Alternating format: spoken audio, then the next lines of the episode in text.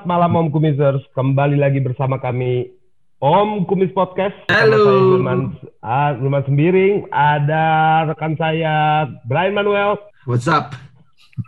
ada rekan saya Kenny Makalo. Halo semuanya, selamat malam. Apa kabar? Kita rekaman malam ini malam-malam banget ya. Iya. Jam Iya. berapa nih? Jam setengah sebelas malam kali. Demi lah, demi pendengar demi, nah. kita. Karena ada yang penting kan, cukup mengagetkan KPK tiba-tiba melakukan penangkapan-penangkapan besar nih akhirnya ini kan. Hmm. Eh, sekitar dua minggu yang lalu, nggak sampai dua minggu yang lalu tuh yang ditangkap adalah Menteri Kelautan dan Perikanan untuk izin benur lobster gitu. Benur lobster. Itu udah cukup ramai tuh yang ditangkap menteri segala gitu. Nggak Hmm. berapa lama kemudian muncul lagi penangkapan untuk bantuan sosial COVID-19. Nah, dan salah satu yang ditangkap adalah menterinya gitu. Menteri Yang- eh, Sosial ya. Menteri Sosial. Hmm. Nah, karena ini adalah penangkapan kedua, mungkin pas juga bidangnya adalah untuk bantuan sosial, untuk COVID, orang juga udah capek sama COVID gitu. Hmm. Mengembukalah wacana nih bertanya-tanya netizen, apakah tindakan ini bisa diancam dengan hukuman mati? Hmm. Hmm. Gitu. Hmm. Soalnya Malam ini beritanya di mana-mana itu ya. headline-nya gitu mana? Hmm, hmm, pertanyaan-pertanyaan mulu gitu. Terutama yang terkait dengan permasalahan yang eh, Kemensos ya. Kalau yang Hmm. eh, dari eh, Kementerian Perikanan tadi kan ya mungkin dianggapnya bukan terkait sama masalah bencana ya. Kan sekarang COVID di- dikatakan sebagai terkait sama masalah bencana nih. Timbullah pertanyaan Hmm. dari masyarakat, bukannya Undang-Undang Tipikor itu mengatur ya kalau dilakukan terjadi korupsi terkait dengan keadaan eh, tertentu ya dalam hal ini keadaan Iya, bencana iya. gitu apakah bisa dikenakan hukuman mati gitu. Nah ini Iya. jadi jadi polemik nih sekarang kan. Eh, ada yang mengatakan itu bisa dikenakan hukuman mati, ada yang mengatakan Hmm. tidak. Nah kita coba coba kupas sedikit nih biar eh, Bahkan mungkin ada yang nggak tahu apa sih emang apa hubungannya sih bencana dengan apa tadi kayak ini bilang keadaan tertentu terus Hmm. hukuman Nah, tidak mau hukuman mati gitu. Dengerin terus. apa sih hukuman mati? Wow. Nah iya, sama juga, sama juga kita, tuh ada- jangan nanya-nanya mulu. Nih netizen juga nanya-nanya, nanya-nanya. Dengerin kita dong. Benar. Sama juga waktu itu juga ada mitos-mitos tuh ya, orang paling sering nanya tuh. apa tuh? Umur hidup tuh gimana sih? Ada yang bilang hukuman selama umur hidupnya dia. Oh iya gitu. benar. Hmm, Iya Dulu iya iya, benar. orang 20, umurnya 20 tahun kena hukuman seumur hidup di penjara cuma 20 tahun, padahal bukan. Hmm. Iya iya. Tapi Ada kalau bukan hukuman mati kayaknya nggak ada kontroversi harusnya ya. Nah, ada. Ada juga yang bilang Iya. hukuman seumur hidup tuh kayak pernikahan. Eh. Oh, Kejebak. Jadi diketok sama diketok sama ini ya sama majelis hakim. ya. diketok sama penghulu. Tok, mau. Kamu kena hukuman seumur hidup dengan mengawini dia. Ah. Nah, gimana man? Mungkin biar biar buat perspektif aja nih man. Eh, mungkin bisa di-share dikit.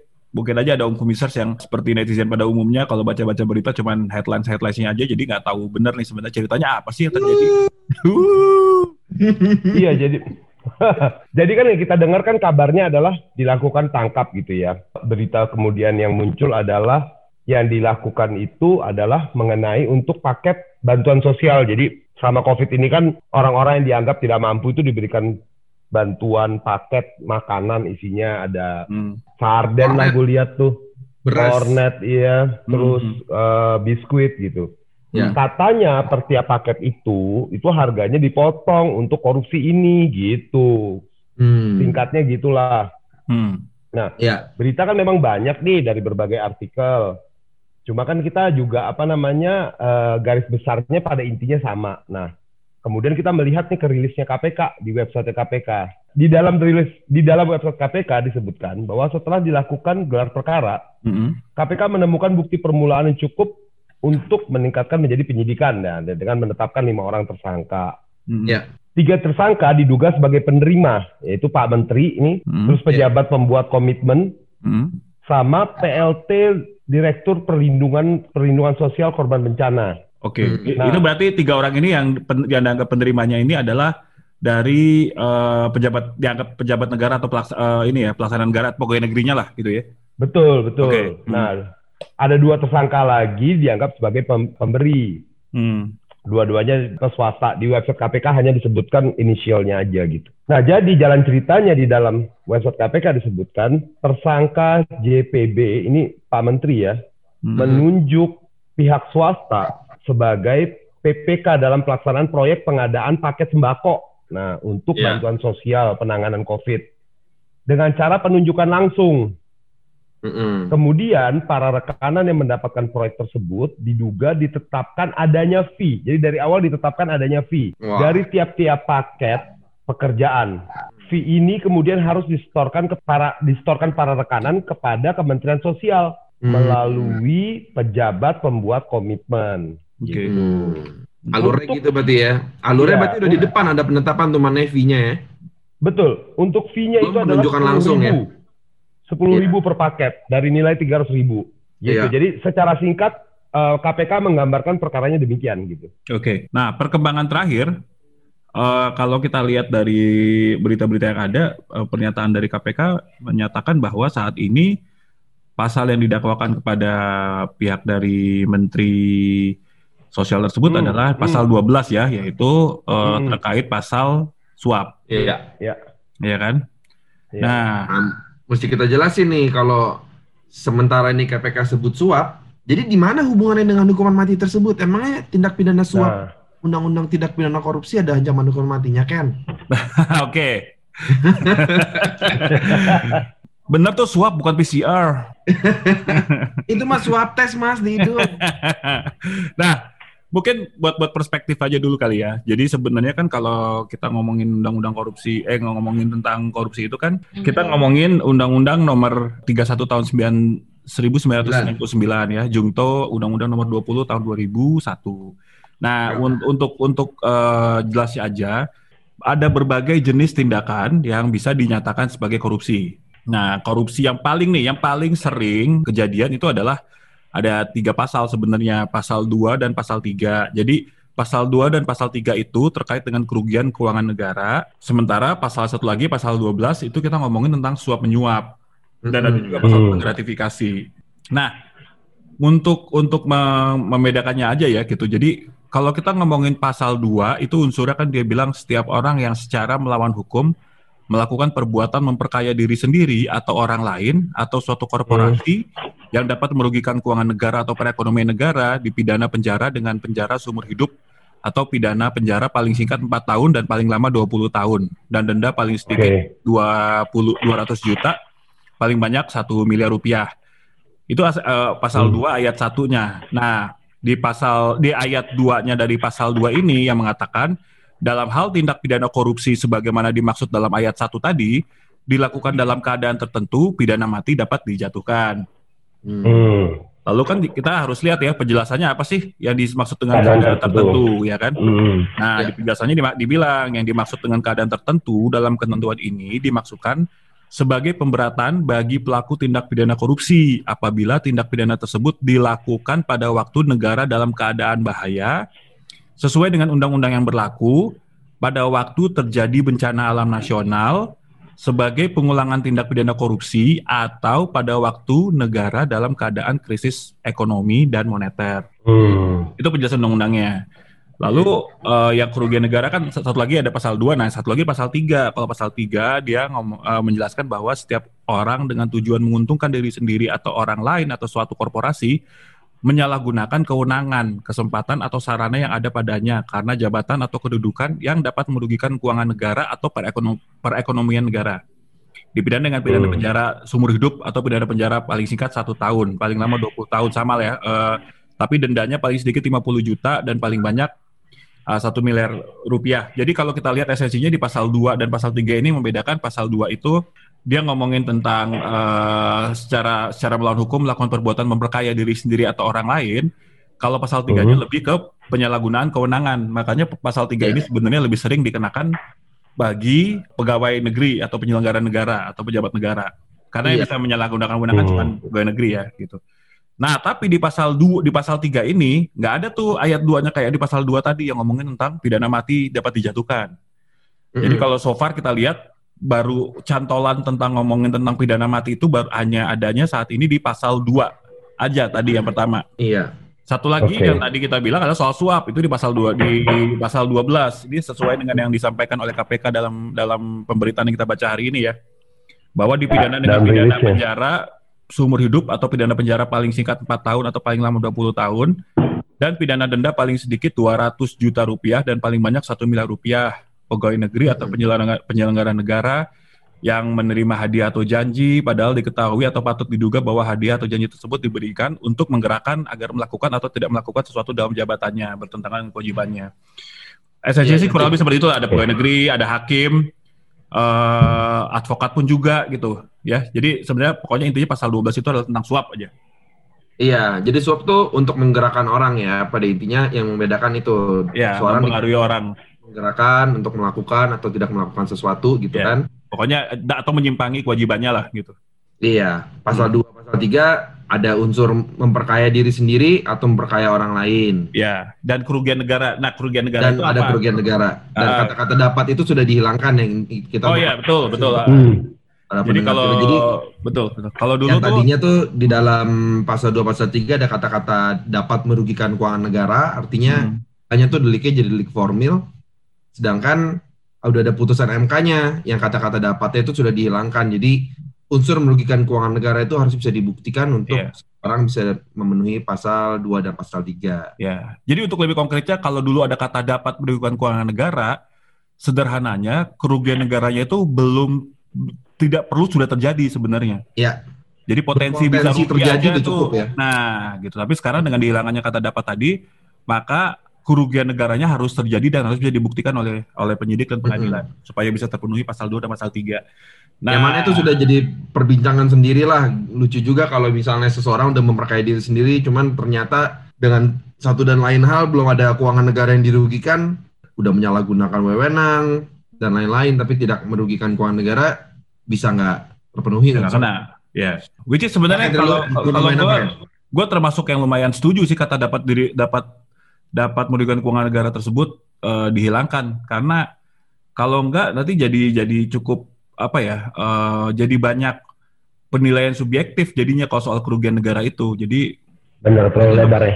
ya sudah tepat sih menurut gua kerugian negara. Ini kan sebenarnya dulu kan pasal korupsi ini juga sebenarnya secara melawan hukumnya kan dulu juga sebenarnya eh, dulu kan dia bisa secara tertulis maupun tidak tertulis kan. Jadi bisa dengan Benar. menggunakan eh, rasa keadilan si penyidiknya gitu pelanggaran moral dan sebagainya yang sebenarnya nggak ada eh, nggak ada pat- aturan bakunya gitu ya. Tapi sekarang secara melawan hukum itu berarti memang harus ada aturan tertulis yang dilanggar. Ya, Which is itu juga menurut gue lebih bagus ya dibanding kalau eh, seperti dulu jadinya kan lebih banyak menggunakan eh, kepercayaan subjektif dari si eh, penyidik ya gitu. Nah tapi kembali lagi nih kita balik lagi jadi sekarang apa kasus Oke. yang ada sekarang di eh, terjadi sekarang ini di Kementerian Sosial ini eh, relevan nggak sih sebenarnya untuk dikenakan Nah, pasal hukuman itu kan jadinya kan kalau kalau kita ada lihat rilisnya KPK gitu ya, kan Hmm. kita wajar dong netizen bertanya-tanya, kenapa kok kenanya pasal 12? Kenapa bukan pasal 2 gitu. Mm-mm. Secara singkat kan KPK menggambarkannya bahwa itu diperjanjikan sejak awal. Gitu, penunjukan langsung, terus kamu kasih saya ya 10.000 ribu per paketnya kan gitu. ya, Kalau dengan informasi yang kita punya sekarang ya tentu knowledge kita terbatas kepada hal-hal yang eh, informasi yang dapat diakses oleh publik. Kira-kira gimana tuh? Kenapa tuh KPK pakainya pasal 2 bukan pasal eh pasal 12 bukan pasal 2 gitu. Karena sih kalau yang yang kita lihat sekarang kan memang apalagi hubungan kata OTT kan OTT itu sebenarnya biasanya memang terjadi untuk eh, kasus suap ya. Makanya kan Hmm. kalau OTT eh, tangkap tangan biasanya memang orang lagi memberikan suap akhirnya bisa kena Hmm. tangkap tangan. Karena karena karena kalau misalnya kita ngomongin pasal 2 dan pasal 3 itu biasanya bukan karena OTT tapi memang karena penyidikan atau penyelidikan sudah dila- dilakukan eh, oleh penyidik terlebih dahulu. Kalau OTT kan bisa jadi belum ada penyidikan apa-apa tapi tiba-tiba dia dapat informasi tentang adanya terjadinya suap gitu. benar. Nah, Hmm. sorry untuk untuk perspektif lagi nih sebenarnya kalau di pasal 2 dan pasal 3 itu tuh yang lebih sering konkretnya kejadian yang sering terjadi itu adalah makanya pasal 2 pasal 3 itu sering terjadi tuh untuk kasus-kasus pengadaan. Contoh kasus yang sering kena di pasal 2 dan pasal 3 ini misalnya adalah markup. Jadi kalau sederhananya nilai proyek itu digelembungkan eh, dengan menggunakan eh, keuangan negara ya dengan menggunakan APBN atau APBD gitu digelembungkan untuk sebagian besar bisa di bisa dimanfaatkan oleh eh, pihak-pihak tertentu gitu ya dikorup oleh pihak tertentu gitu. Itu paling sering tuh memang tuh penyelewengan penyelewengan di proyek-proyek pengadaan tuh. Makanya balik lagi kalau sekarang KPK lebih mengarahkan ke pasal 12 atau pasal suap kalau dilihat dari jalan cerita yang ada dan rilis yang ada sekarang ini memang eh, saat ini memang ter, ter- mengarahnya memang ke pasal 12 sih, pasal suap ya. Karena dianggap memberikan eh, sesuatu kepada pejabat Kemensos kan supaya bisa mendapatkan proyek itulah si si para Tinggal tinggal per- pertanyaannya kan apakah si hadiah atau janji yang diberikan itu secara seluruh seluruh transaksinya itu ada merugikan keuangan negara gitu Betul. kan itu yang membedakan. betul. Udah, Jadi kalau kalau untuk hadiah atau janji yang bisa dikasih juga ya bisa juga bentuknya uang gitu kan. Betul. Jadi kalau misalnya kita mau konkret sih kalau sekarang memang kenanya di pasal 12 aja nih, jadi cuma dianggap pelang- permasalahan pelanggarannya itu adalah pelanggaran tentang pasal suap. Secara teori memang nggak ada kaitan, nggak ada sangkutannya tuh untuk pidana mati. Iya. Ya. Dan makanya cuma-. Yang tadi tuh yang mungkin orang-orang pengen tahu, nah merugikan keuangan Hmm. kalau dari sisi ancaman pidana jumlah apa minimal penjara dan maksimal penjaranya mirip yaitu di 4 sama 20 gitu. Yang Hmm. lain-lain kan agak sedikit lebih rendah tuh ada yang 1 5 tahun, ada yang 2 7 tahun. Ini sama-sama 4 20 walaupun memang pasal 2 pasal 3 ada yang seumur hidupnya gitu ya. Hmm.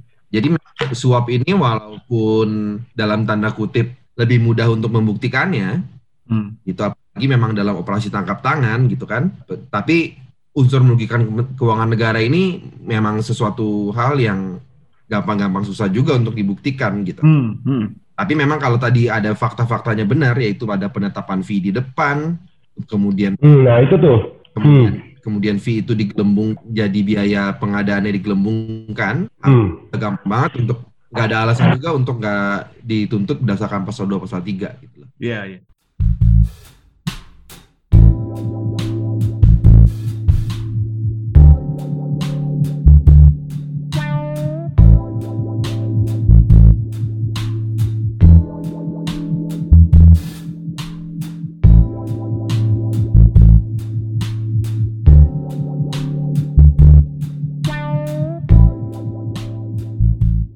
Gini, kalau misalnya mau agak konkretan lagi, apakah sekarang kasus yang sekarang ini bisa jadi terka- disangkutkan ke pasal 2 atau pasal 3 gitu ya? Sebenarnya bisa asal kita lihat dulu tadi asal-asal dananya misalnya jadi kalau misalnya kasusnya kita ngomongin kickback ya.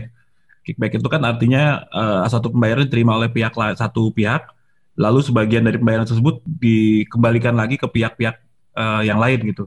Makanya dibilang Ya kickback. makanya sekarang kan kalau dari keterangan yang rilis KPK arahnya kayaknya kickback gitu kan. Nah, kalau kickback ngomongnya dan bisa dibuktikan, potensially mungkin bisa tuh di- dikenakan ke pasal 2. Jadi kalau misalnya ternyata eh, ada faktor waktu lagi proses pengadaannya dulu dan penunjukannya, kan katanya memang ini penunjukan langsung ya. Benar. Ap- dalam proses-proses tersebut ada pelanggaran-pelanggaran yang dilanggar nih, misalnya melanggar aturan-aturan tentang pe- eh, peraturan-peraturan tentang pengadaan atau peraturan tentang penunjukan langsung atau ada SOP-SOP di Kementerian Sosial yang dilanggar, Mm-mm. itu Hmm. bisa tuh potensialnya bisa kena pasal 2 karena apalagi kalau sumber dananya yang digunakan dibayarkan yang dibayar eh, sumber dananya adalah dari APBN untuk bansos ini. Setelah sumber dari APBN itu diluncurkan, baru sebagian dari dana itu dipotong untuk diberikan kepada pejabat-pejabat tertentu. Itu yang tadi Hmm. namanya kickback kan. Kalau Hmm. sampai bisa di- ditemukan rangkaian itu, mungkin potensialnya bisa tuh disangkutkan ke pasal 2 Oke. gitu. Oke. Benar. Jadi bisa nggak disimpulkan singkatnya gini, bahwa kalau kita ya ada ada pihak ya yang memberikan janji berupa uang atau janji apa pun kepada pejabat Hmm. itu suap sampai dalam tahapan itu suap. Iya, betul. Tapi kalau ada tambahan fakta bahwa itu merugikan keuangan negara, Hmm. maka bisa masuk pasal 2-nya. Bener nggak gitu? Ya kan pasal 2 ada beberapa unsur selain kerugian negara ya, ada melawan hukum dan lain sebagainya, berarti memang ada proses yang di mana ada aturan tertulis yang dilanggar gitu ya. Bisa. Jadi Hmm, memang kayaknya penting untuk memastikan bahwa kaitannya ini uang yang dipakai untuk bayar membayarkan suap ini tuh dari mana nih keluarnya? Menurut gue itu jadi penting sebenarnya. Benar. Hmm. Soalnya kalau misalnya memang hanya ya tadi uangnya kalau misalnya ini APBN di- dilebihin jadi ke orang itu proyeknya jadi dapat lebih tinggi, Hmm, terus ya itu artinya ngebobol duit negara aja intinya kan korupsi gitu. betul, betul. Terus uangnya dikasih ke si oknum pejabat lah. Iya, iya. Karena kalau kalau Oke. sebenarnya hmm, Oke, jadi sumber dananya adalah anggaran pemulihan nasional (PEN). hmm, Yes. Jadi memang ya tebakan gue sih dari APBN ya. Iya, dari APBN harus itu kan. Mm-mm. Dan kan kombinasi dengan APBD tergantung di level mana. Tapi kalau di level Kementerian Sosial sih kemungkinan dari APBN. Soalnya gini ya, kan ada juga proyek-proyek pengadaan di mana si pihak swastanya itu eh, dibayarkan di ujung. Jadi setelah jadi di depan-depan itu Setelah misalnya proyeknya dikerjakan. Iya, jadi depan-depan itu memang harus pakai uangnya si si rekanan ini dulu nih, si si perusahaan-perusahaan ya pihak-pihak yang mena- memenangkan tendernya. Hmm. Baru nanti di belakang dia akan dibayar. Nah, kalau sekarang ceritanya seperti itu, jadi sebelum dia dibayar Oke. oleh, oleh ini, tapi dia udah pakai dana dia sendiri dulu, sebagian dana dana itu kemudian digunakan untuk melakukan suap. Menurut gua itu nggak kena tuh ke pasal 2 dan pasal 3 karena belum belum ada uang negara yang dipakai. Oke. Nah, cuman kalau sekarang kita ngomong sekarang kasus ini walaupun gua belum tahu ya apakah uang dari pen tadi itu sudah di sudah diluncurkan, Mm-mm. Kemudian sebagian dibelikan. Vendornya ya. Ah, kemudian sebagian dari uang itu digunakan untuk membeli paket-paket bansos dan ada yang disisihkan sedikit untuk melakukan Biaya pembelian admin. suap tadi, ah, biaya admin tadi. Ah, kalau kalau itu ya sepuluh ribu. sepuluh ribu, ah, itu potensially bisa tuh dikonstruksi menjadi pasal 2 tapi itu nanti Iya. eh, ya tentu masalah masalah pembuktian ya. Nah terus keadaan tertentunya itu tuh kalau di kalau kita baca secara letter lah keadaan Dari undang-undang. Hmm, iya keadaan gimana, gimana? tertentu dari penjelasan pasal 2 itu adalah bencana alam. Hmm. Nah, sedangkan situasi Covid ini bencana non alam nasional. Itu Hmm. something yang Yang eksplisit disebutkan non alam malah ya. iya, jadi non alam nih. Itu something yang worth arguing atau enggak? Oh iya, jelas dong. Itu itu itu akan Abang-abang sekalian. akan challenging juga. Walaupun gue yakin Iya, nanti akan konstruksi dibawa lagi tuh ke masalah soal tadi krisis moneter segala macam. Karena kan sekarang dianggap lagi eh, ada ada ada, krisis. ada krisis keuangan juga nih di Indonesia sekarang. Tapi ya. nggak mau mengakui kan pemerintah. Kan kita udah declare resesi. Resesi udah di declare sih. Iya, Oh, benar benar benar benar. gitu. Jadi ya Itu ya. Minimal di rumah gua oh, udah di declare sama ya sama istri gua udah di declare resesi minimal. Enggak.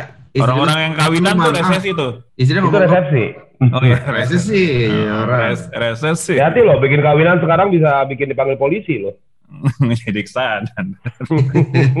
Lu pasang laskar aja di depan rumah lu biar gak datang. Nah,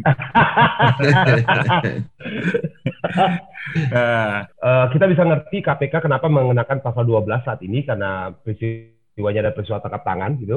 Iya. Eh, yang dan obvious adalah suap.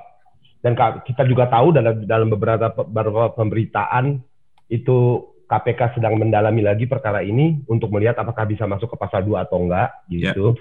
Tadi Kenny sama Brian juga dijelasin bahwa fakta-fakta yang perlu diungkap agar ini bisa masuk pasal agar apabila memang perkara ini akan dibawa ke pasal 2 adalah pertama apakah ada kerugian negara, kedua apakah ada penyelewengan dari eh, pejabatnya. Betul nggak? ya. Oke. Ya. Nah, kenapa pasal 2? Karena hanya pasal 2 lah yang ada ancaman hukuman matinya kan gitu. Hmm. Nah, yang menarik adalah belum lama ini Mahkamah Agung tuh mengeluarkan Peraturan. peraturan. peraturan Mahkamah Agung nomor 1 tahun 2020. Ini adalah mengenai pedoman pemidanaan untuk perkara korupsi, ya kan? Khusus Benar. untuk perkara korupsi ini. Dan Nah. khususnya untuk pasal 2 dan pasal 3 lagi. Hmm, nah, menarik nih karena sebelumnya belum pernah ada peraturan Mahkamah Agung yang sifatnya seperti ini kan gitu. Ini cukup menarik sih. Ini sesuatu yang waktu gua S2 ini sempat ketika gua ngambil kelas hukum sanksi Hmm. luar negeri. ada ya? Pas gua gila Hmm. bagus juga ya hakim dikasih pedoman pemidanaan karena permasalahan kita kan memang masalah disparitas nih untuk Hmm. orang yang melakukan tindak pidana satu dan tindak pidana yang sama hukuman penjara bisa beda-beda nih. Hmm. Dan kita berusaha mengeliminir supaya ada aturan-aturan dan batasan-batasan tertentu untuk memastikan konsistensi pemindanaan. Oke. Jadi orang juga dari sisi praktisi atau sisi eh, apa masyarakat punya kepastian, kita bisa kasih Hmm. kepastian mengenai kira-kira bapak gitu kalau misalnya klien kita ancaman pidananya jadi segini pak. Hmm. Kalau mengadvise klien tuh paling susah. Wah pidananya bisa antara 0 sampai 20 tahun pak gitu kalau KUHP ini. Hmm. Kalau yang sekarang di sini pasal 2 pasal 3 antara 4 sampai hukuman mati pak. Nah kalau di Hmm. pedoman pemidanaan ini dikasihlah apa pedoman bagi hakim untuk menentukan besaran pidana yang dijatuhkan bagi orang Oke. yang berdidakwa atas eh, pasal pelanggaran pasal 2 dan pasal 3 Undang-Undang Tipikor. Hmm. Oke. Jadi pedomannya apa aja, Bray? Ininya apa namanya? Bagaimana sih kemudian mengukur kadar jahatnya seorang koruptor? Lah, kan gitu. Nah, memang nih kalau kita sangkutkan dengan apakah sebenarnya kasus Menteri Sosial ini dapat dan pasti akan dihukum dengan hukuman mati gitu kan. Semua di berita Hmm. pertanyaannya itu kan. Mhm. Kalau gua ngeliat di sini memang tahap pertama dari pe- pedoman pemidanaan adalah menentukan dulu nih kategori kerugian negara ditentukan, dibagi jadi beberapa apa kelompok. Kelompok pertama adalah apabila kategori paling berat, adalah lebih dari 100 miliar yang dikorupsi.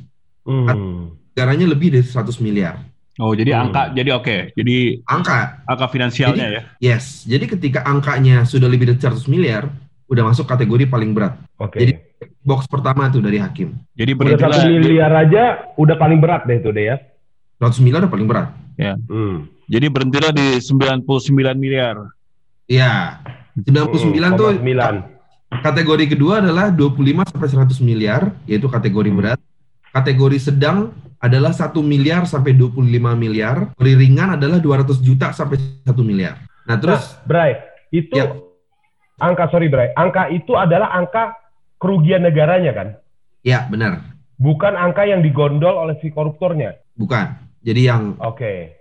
Bobolnya berapa? Tapi kan gua ya gua rasa itu ya, menurut gua Hmm. dilihatnya pasti the whole the whole Hmm. kejahatannya secara utuh ya. Jadi kalau misalnya pelakunya lima, masing-masing terima 20 ya dihitungnya 100 gitu. Atau ya totalnya mungkin nggak terima cuman entah kenapa nih duit duit negara bocor 100 miliar lebih aja. Terus Oke. kedua akan dilihat nih tingkat kesalahan, dampaknya dan keuntungannya. Kalau memang misalnya terdakwa itu memiliki peran paling signifikan, artinya tanpa dia tindak pidana nggak akan terjadi. Dia menggunakan modus operandi yang canggih sehingga susah terdeteksi.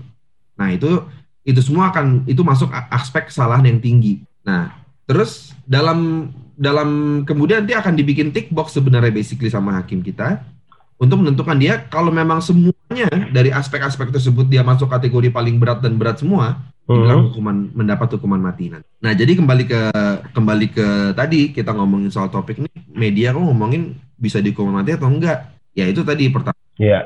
pasalnya bisa pasal 2 atau enggak Iya. ancamkan terus eh, dianggap dalam keadaan bencana atau enggak keadaan tertentu unsur keadaan tertentu terpenuhi atau enggak kemudian ini Iya. hukuman pemidanaan seberapa penting sih peran dia angka yang di keuangan negara Iya. dirugikan berapa sih gitu harus dilihat semua tuh man tuh Makanya mem- memang sih Mm-mm. kan kalau kalau dilihat ini inline juga sih sama penjelasan dari pasal 2 tadi kan dia bilangnya memang dalam hal tindak pidana korupsi sebagaimana dimaksud dalam ayat 1 dilakukan dalam keadaan tertentu pidana mati dapat dijatuhkan. Jadi even keadaan tertentunya terpenuhi pun bukan berarti dia pasti harus dijatuhkan pidana mati karena Iya. dapat. Jadi ya pertimbangan dapatnya tadi gimana pemenuhannya seperti yang tadi Brian jelasin.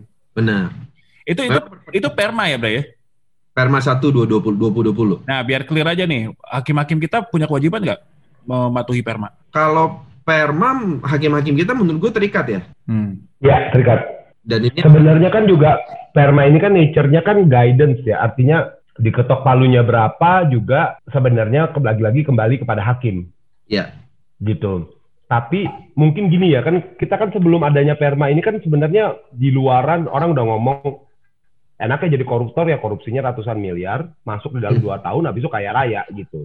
benar Jadi as if mulai mulai banyak pikiran orang, oh mungkin koruptor itu dari pertama sebelum melakukan tindakan korupsi dia udah berhitung dulu nih, yang gue dapat berapa, gue di penjaranya berapa lama, iya gitu. Mungkin mungkin dari situlah kemudian timbul ide ini mungkin ya, ini gue benar apa namanya nebak doang. Jadi lebih ke arah yang kayak, eh hati-hati loh kalau korupsinya banyak, ya lu masuknya lebih lama gitu, secara umum Mm-mm. gitu.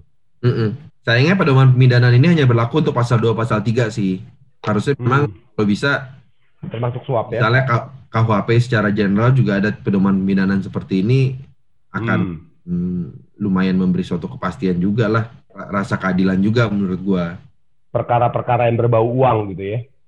Iya atau perkara yang berbau uang kalau di luar ini kan memang sistem ini nih mengikuti waktu itu gue yang gue pelajarin di Amerika. Hmm. memang tindak pidana itu punya pedoman pemidanaan ini untuk tick box tick boxnya mereka gitu loh dan ada hubungannya juga dengan jumlah besaran bail. Kan orang suka bilang tuh bail angka segini. Nah itu ada rumusnya semuanya gitu.